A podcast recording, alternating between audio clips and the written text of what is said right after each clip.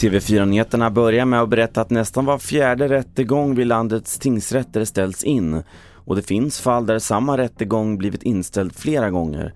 TV4-nyheternas granskning visar att det ofta handlar om att en tilltalare inte dyker upp eller går att nå. Fredrik Löndahl är tingsrättschef vid Ystads tingsrätt. Det är ju klart ett misslyckande för eh, domstolarna när det är så pass många eh, förhandlingar som ställs in och i synnerhet om det är vid upprepade tillfällen i samma mål. Om det dröjer väldigt lång tid från det att man har begått ett brott till det man blir dömd eh, så kan det ju påverka straffet i mildrande riktning.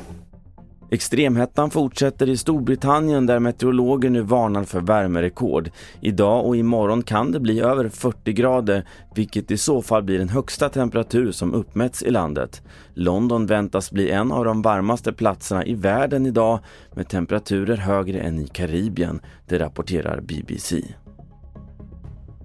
Sist om att de som skulle sett Limp Bizkit spela i Uppsala den 1 augusti får vänta ett tag till.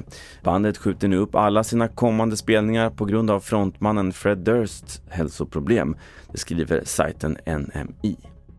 Fler nyheter på tv4.se. Jag heter Carl-Oskar Alsen.